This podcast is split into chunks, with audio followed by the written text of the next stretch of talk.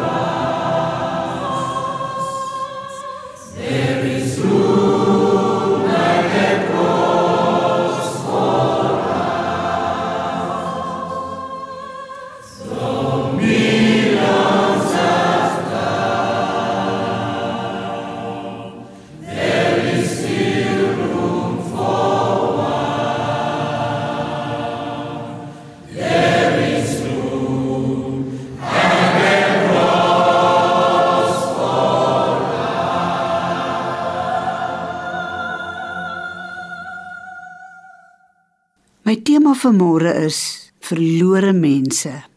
En die boodskap is God verwelkom vandag nog verlore seuns en dogters. Ek lees graag vir ons uit Lukas 15 van vers 11.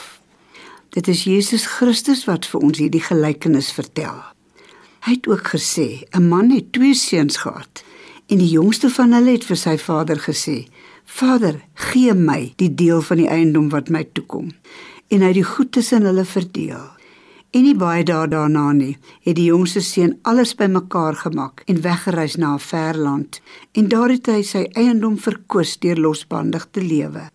En toe hy alles deurgebring het, kom daar 'n swaar hongersnood in daardie land en hy het begin gebrek ly. Toe het hy hom by een van die burgers van daardie land gaan voeg en die het hom in sy veld gestuur om varke op te pas. En hy het verlang om sy maag te vul met die pele wat die varke eet en niemand het dit aan hom gegee nie. Maar hy het tot homself gekom en gesê: "Hoe baie huurlinge van my vader het oorvloed van brood en ek vergaan van die honger." Een vertaling sê: "Ek sterf van honger." Ek sal opstaan en na my vader gaan en ek sal vir hom sê: "Vader, Ek het gesondig teen die hemel en voor U en ek is nie meer werd om U seun genoem te word nie. Maak my soos een van U huurlinge. En hy het opgestaan en na sy vader gegaan. En toe hy nog ver was, sy vader hom gesien en innig jammer vir hom gevoel en gehardloop en hom omhels en hartlik gesoen. En die seun sê vir hom: "Vader, Ek het gesondig teen die hemel en voor U en ek is nie meer werd om U seun genoem te word nie. En die vader onderbreek hom. Die vader sê vir sy diensknegte: "Bring die beste kleed en trek hom dit aan. Gee 'n ring vir sy hand en skoene vir sy voete en bring die vetgemaakte kalf en slag dit." En laat ons eet en vrolik wees, want hierdie seun van my was dood en hy het weer lewendig geword. Hy was verlore en hy is gevind en hulle het begin vrolik word. En sy oudste seun was in die veld en terwyl hy al nader die huis kom, hoor hy musiek en beurtsange En hy roep een van die diensknegte na hom toe en vra: "Wat beteken dit?" Die sê toe vir hom: "U broer het gekom en u vader het die vetgemaakte kalf geslag omdat hy hom gesond teruggekry het." En hy het kwaad geword en wou nie binne gaan nie. Sy vader gaan toe uit en smeek hom, maar hy antwoord en sê vir sy vader: "Kyk, Ek dien u so baie jare en ek het nooit u gebod oortree nie en vir my het u nooit eers 'n bokkie gegee sodat ek saam met my vriende vrolik kon wees nie. Maar toe hierdie seun van u kom wat u goed met hoere deurgebring het, het u vir hom die vetgemaakte kalf geslag.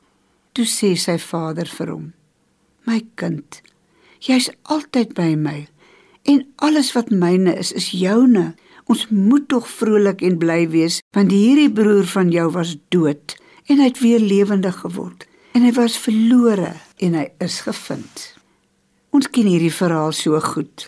Ons het groot geword as kindertjies waar pa vir ons huisgodsdiens gehou het. So elkeen wat nou luister, ken sekerlik hierdie verhaal. Hierdie is 'n gelykenis, 'n aardse verhaal met 'n hemelse betekenis. En dit is veral drie hoofkarakters in hierdie verhaal. Eerstens die wagtende, hardlopende pa. Tweedens die verlore, terugkomende seun. En derdens daai ouer broer wat weier om te vergewe. Kom ons begin by die hoofkarakter en dit is die wagtende, hardlopende, verlangende vader. Hy was die eienaar van die plaas. Hy het aan hierdie twee seuns hulle lewe gegee. Hy het die hele plek bestuur Hy het gesorg vir almal, ook vir sy twee seuns. Hierdie is so 'n prentjie van ons hemelse almagtige Vader, die koning van alle konings, die opperheerser van die heelal. God wat lewe en dood in sy hande hou. God wat liefde is, wat lig is, die skepper God. Hy wat sonde haat en tog uit die liefde van sy hart gee hy sy enigste seun om te gaan sterf aan 'n vloekhout. Hy sien kans vir die vuilste, mees verlore sondaar. In die gees sien ons hoe wag hy pa op die stoep.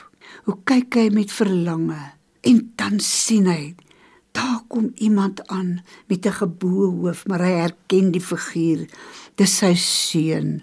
Kop onderste bo kom hy aan. Vuil stinkend uit die varkhok. Kaalvoet honger alleen. Maar hy hardloop en omhels hy hierdie stinkende seun. En hy soen hom hartlik sê die Bybel, ongeag die stank van die varke. Ons sien hoe dat die pa in sy kind se hart die opregte berou sien. Dan stotter die seun dit uit: "Pa, ek het gesondig. Ek is jammer, ek is nie werd om u kind genoem te word nie. Ek het skande op u naam gebring. Ek het u hart gebreek. Maar die pa onderbreek hom. Hy gee hom nie eers kans om sy sin te voltooi en te sê maak my soos een van die diensknegte nie. Hy roep: "Bring die beste kleed." En daai beste kleed was heel moontlik die pa se eie spesiale feeskleed uitgeborduur. Hy sê bring 'n ring vir sy vinger om te wys dat hy's my kind. Skoene vir daai kaal, vuil voete. As die wet gewen het, dan was dit heel moontlik 'n begrafnis, nie 'n fees nie, het iemand gesê. Hy laat sy seun nie toe om te sê maak my man net 'n dienskneg. Hy gryp hom in sy arms. Hoe dank ek die Here dat hy kan sien vir jou sonde vanmôre. Dat hy nie sê Ek draai my rug op jou nie. Nee, hy wys met sy vinger na Golgotha en waar hy sê ek het my alles vir my seun gegee. Die tweede hooffiguur in hierdie verhaal is daardie verlore seun.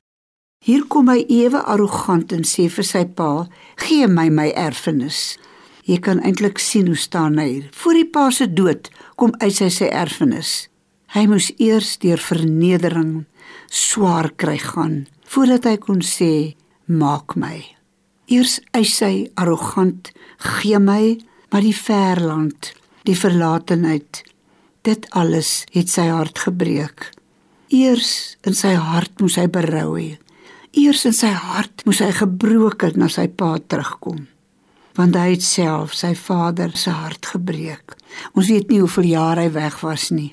Maar dit maak nie saak nie. Of dit kort of lank was, die Vader se hart was gebreek. En dan ontdek hierdie seun soos een van die leraars gepreek het. Hy ontdek die vark in sy eie hart. En dan begin dink hy daar tussen die varke, waar hy honger en eensaam sit. En hy staan op en hy gaan oor tot aksie en hy loop terug huis toe, verflenterd kop onderste bo, uitgehonger, maar hy gaan terug na sy pa se huis toe. Dit herinner my aan die verhaal wat my pa so dikwels van die preekstoel vertel het die verhaal van die wit sakdoek. 'n Seun wat weggeloop het van die huis en die tronk beland het en nooit huis toe geskryf het of iets laat weet het nie. Maar net toe hy kan vrykom, skryf hy vir hulle en sê ek weet ek het julle harte gebreek. Ek is so jammer. Ek vra, neem my asseblief terug. Ek kom so en so datum uit en as ek met die trein verbyry, dan gaan ek uitkyk by die venster want die trein gaan mos by ons huis verbyry. As ek welkom is, hang 'n wit sakdoek aan die peerboom agter die huis. As daar nie 'n wit sakdoek is nie, dan ry ek verby dan weet ek jy sien nie kans om my terug te neem nie. En die verhaal is so dat hierdie man was later so senuweeagtig dat hy nie moed gehad het om self uit te kyk nie, maar hy het sy kompartementmaat gevra: "Kyk asseblief uit of jy dalk 'n wit sakdoek sien in die peerboom hier agter die huis." En toe roep sy kompartementmaat hom en sê: "Kom kyk, kom kyk. Die hele boom is vol wit vlae. By die stasie kon hy afklim en terughardloop in sy pa en ma se arms wat hom vergewe het omdat hy ook die opregte berou in sy hart kon sien en in sy woorde kon hoor. My pa het die storie afgesluit deur te sê op Golgotha waai daar 'n rooi vlag wat jou nooi, kom huis toe, kom terug, net daar waar jy nou is. Met jou hart roep na die Here en sê: Here, ek kom huis toe. Ek weet U wag vir my Vader. Ek kom terug na U hemelse verwelkoming. Ek vra volle vergifnis. Ek gee my lewe oor in U hande. Ek neem Jesus aan as my verlosser. Soos Johannes 1:12 sê, aan almal wat hom aangeneem het, het hy die mag gegee om kinders van God te word. Here, ek ontvang die wedergeboorte in U naam. En dis my gebed dat daar nou mense sal wees wat hierdie woord hoor en wat terugkom na die God wat vir hulle liefhet en wat vir hulle gesterf het. Die derde hooffiguur in hierdie verhaal is die oudste seun. Hy kon nie vergewe nie. Die jongste is weg en alles was syne. Maar hy het nooit gevra vir 'n bokkie nie. So dit lyk asof die kommunikasie nie goed was tussen hierdie oudste seun en sy pa nie. Miskien het hy nooit tyd gemaak om bietjie te gaan sit by hom en net kuier by hom nie. Dieselfde pa wat gehardloop het na die verlore seun, het die fees verlaat om vinnig na sy seun te hardloop wat buite in die koue staan. Hierdie hoogmoedige, liefdelose seun, hy kom pleit by hom. Kom in. Jou broer was dood en hy lewe. Nee, hy deel nie die liefde vir die verlore sondaars wat met berou huis toe kom nie. Hy kan nie vergewe nie. Hy's krities hard Hy weier om bly te wees saam met almal. Dit is so treffend nê dat die pa is vol blydskap, die seun is vol blydskap, hy's vergewe. Die vriende, die gaste, die bure, almal juig. Net hierdie oudste seun is ongelukkig daar alleen buite in die donker. Watter een van hierdie twee seuns is jy vanmôre? Is jy die een wat teruggekom het in die Vader arms? Wat jou sonde bely het, wat jou oorgegee het en wat jou slegte verlede begrawe het onder die bloed van Golgotha. Of is jy hierdie ouer, eensame, verbitterde seun? God sien kans vir albei, want ons weet dat Johannes 3 vers 16 vandag nog waar is. Want so lief het God die wêreld gehad en jy is deel van die wêreld dat hy sy enige gebore seun gegee het sodat elkeen wat in hom glo, wat hom vertrou, wat hom oorgee, nie verlore hoef te gaan nie, maar die ewige lewe mag hê, vry en verniet, die geskenk uit die hemelse Vader se hart. Dis my gebed dat jy ook vandag hierdie liefde sal beleef, sal geniet en dat jy dit sal uitdra na ander verlorenes ander verslaafdes wat langs die lewenspad geval het, want God sien kans vir hulle. En hy stuur jou uit vandag om te gaan om stikkendes te gaan haal. Amen. Kom ons bid. Hemelse Vader, baie dankie vir u liefde vir elke verlore sondaar. Baie dankie dat u omgee as die wêreld nie omgee nie, as hulle hulle rug draai op mense en sê nee. Daai een is 'n verslaafde aan dobbel, aan drank, aan seks, aan wat ook al. Maar Jesus Christus sien kans, daarom het hy gekom. Hy gee om. Hy het soveel liefde in sy hart vir elke verlore sondaar. Maar dan moet jy omdraai. Dan moet jy kom net soos jy is en alles oorgee in die deurboorde hande van die God wat jou liefhet, wat sy seun vir jou gestuur het. Vader, sal U elke gebed hoor van elkeen wat nou tot U roep. Ons vra dit in die naam bo alle name, Jesus Christus. Amen. Ons luister nou na nog 'n lied en hierdie lied sluit so aan by ons tema. Die lied se naam is We serve a miracle working God. Want God is 'n God van wonderwerke. Hy is 'n God wat kan sien om die donkerste nag te verander in lig. Hy sien kans om die vuilste sondaar skoon te was met sy bloed en hom te herstel en 'n ereplek in sy koningskap te gee. En dan wil hy ons uitstuur om hierdie wonderwerke in sy wêreld te bevestig. What a mighty God we serve.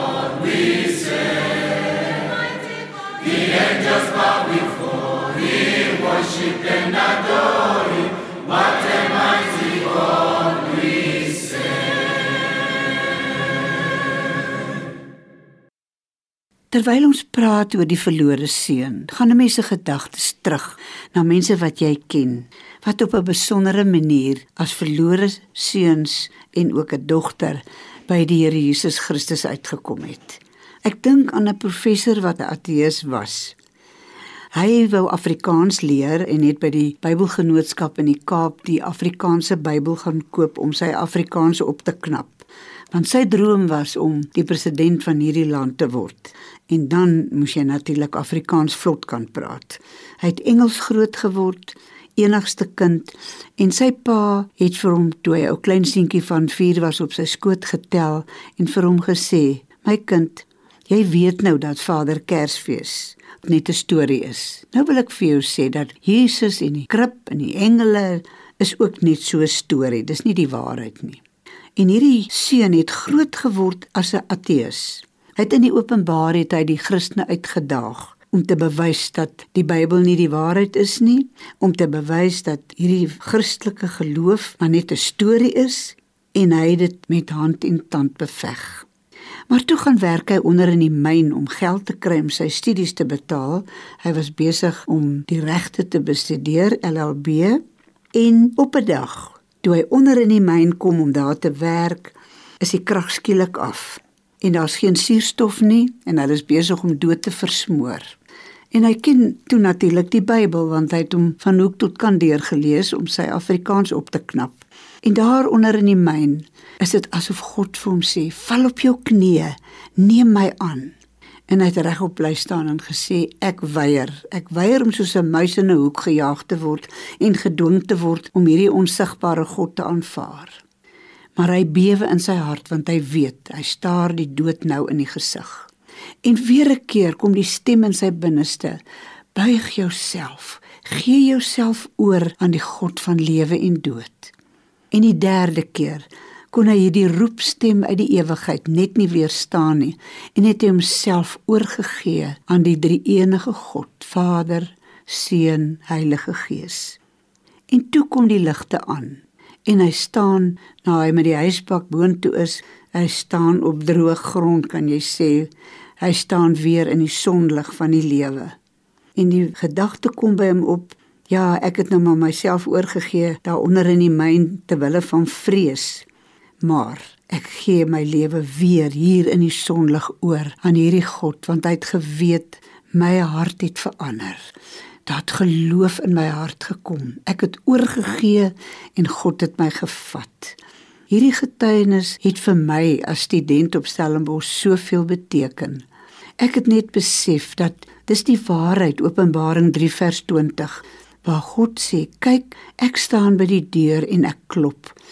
In hierdie gedeelte staan hy by die deur van 'n kerk waar hy nie meer welkom was in die kerk nie. Maar hy staan ook by mense harte wat toe is en hy klop. En hy het ook aan my hart geklop as 'n opstandige 15-jarige.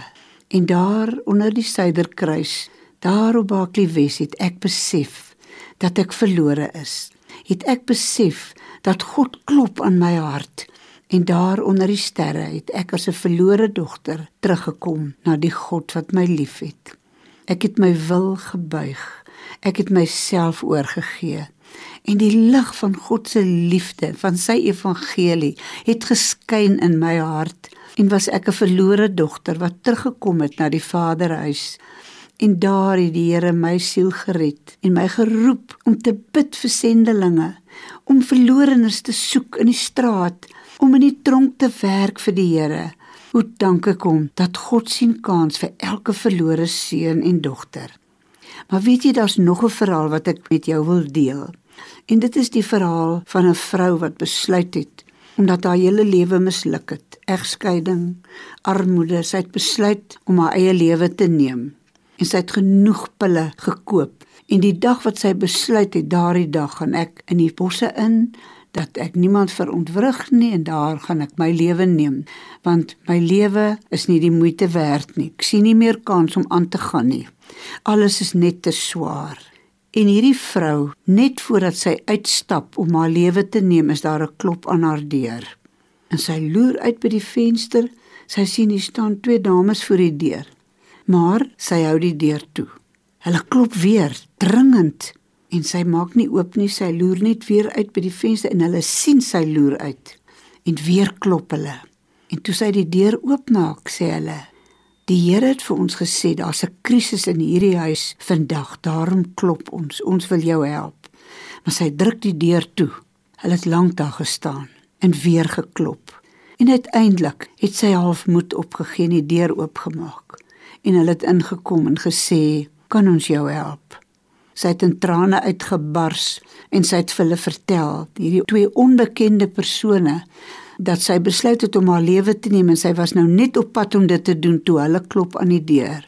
Toe sê hulle God het ons net betyds gestuur om vir jou te kom vertel dat die Here jou liefhet en dat die Here kan sien vir jou en dat die Here 'n roeping het vir jou. Sy het haar lewe aan die Here oorhandig. Sy het haar sondes bely, sy het hom aangeneem as haar verlosser. En dis my gebed dat jy dit ook vandag sal doen, want God het 'n plan met jou lewe. God sien kans om van jou 'n groot sukses te maak. Die Here het hierdie dame geroep om in die Midde-Ooste 'n sendeling te word. Sy doen dit met oorgawe en die Here sorg vir haar. Die Here sorg vir haar finansiëel. Die Here help haar om verlore mense te red. En die Here sien vandag ook kans om jou veilig te lei tot binne in sy arms. Dis my gebed dat vandag die dag, die rooi letter dag in jou lewe sal wees dat jy jou lewe oorgegee het in die hande van die drie enige God. Yesterday is gone, another day has come. Do something new.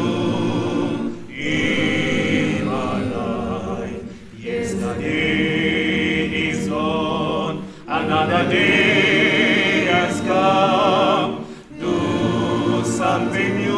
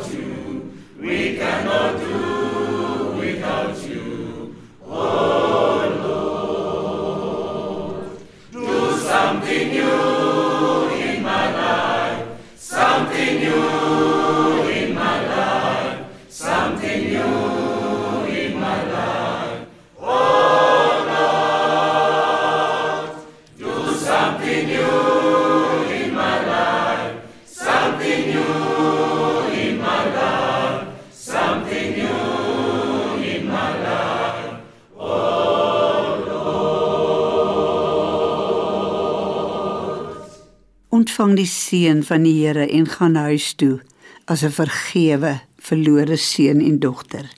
Die Here sal jou seën en jou behoed. Die Here sal sy aangesig oor jou laat skyn en jou genadig wees. Die Here sal sy aangesig oor jou verhef en aan jou vrede gee. In die naam van Jesus Christus. Amen. When he calls me, I will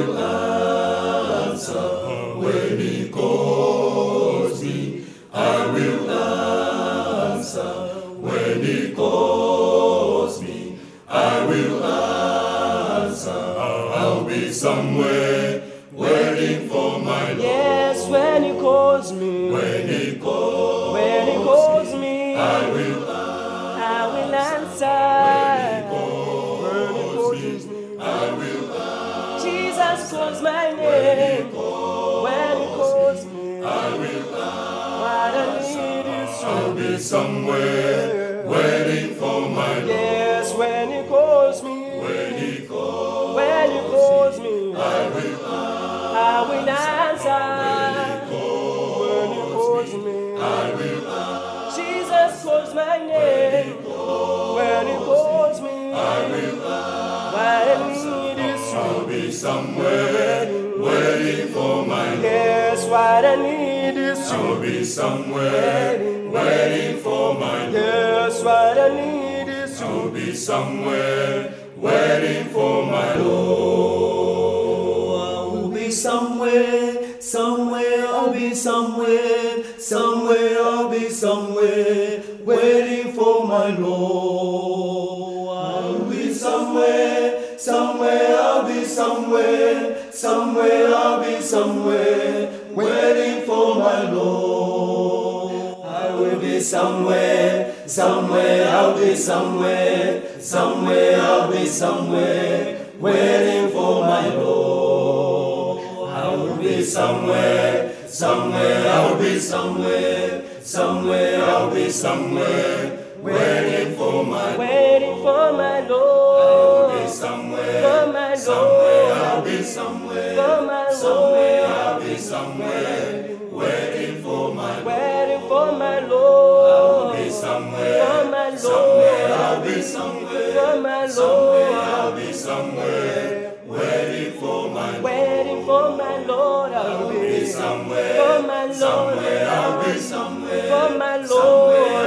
somewhere, waiting for my Nilindele nkosi yami. somewhere, somewhere, I'll be somewhere, somewhere, I'll be somewhere, waiting for my Nilindele nkosi yami. somewhere, somewhere, I'll be somewhere, somewhere, I'll be somewhere, waiting for my Waiting for my Lord. somewhere, For my somewhere, I'll be somewhere, For my I'll Lord. Be somewhere, waiting for my Waiting for my Lord. be For somewhere, my somewhere, I'll be somewhere, my somewhere, I'll be somewhere, Waiting, waiting for my waiting for my Lord. somewhere, For my somewhere, I'll be somewhere, my somewhere, I'll be somewhere, Waiting, waiting for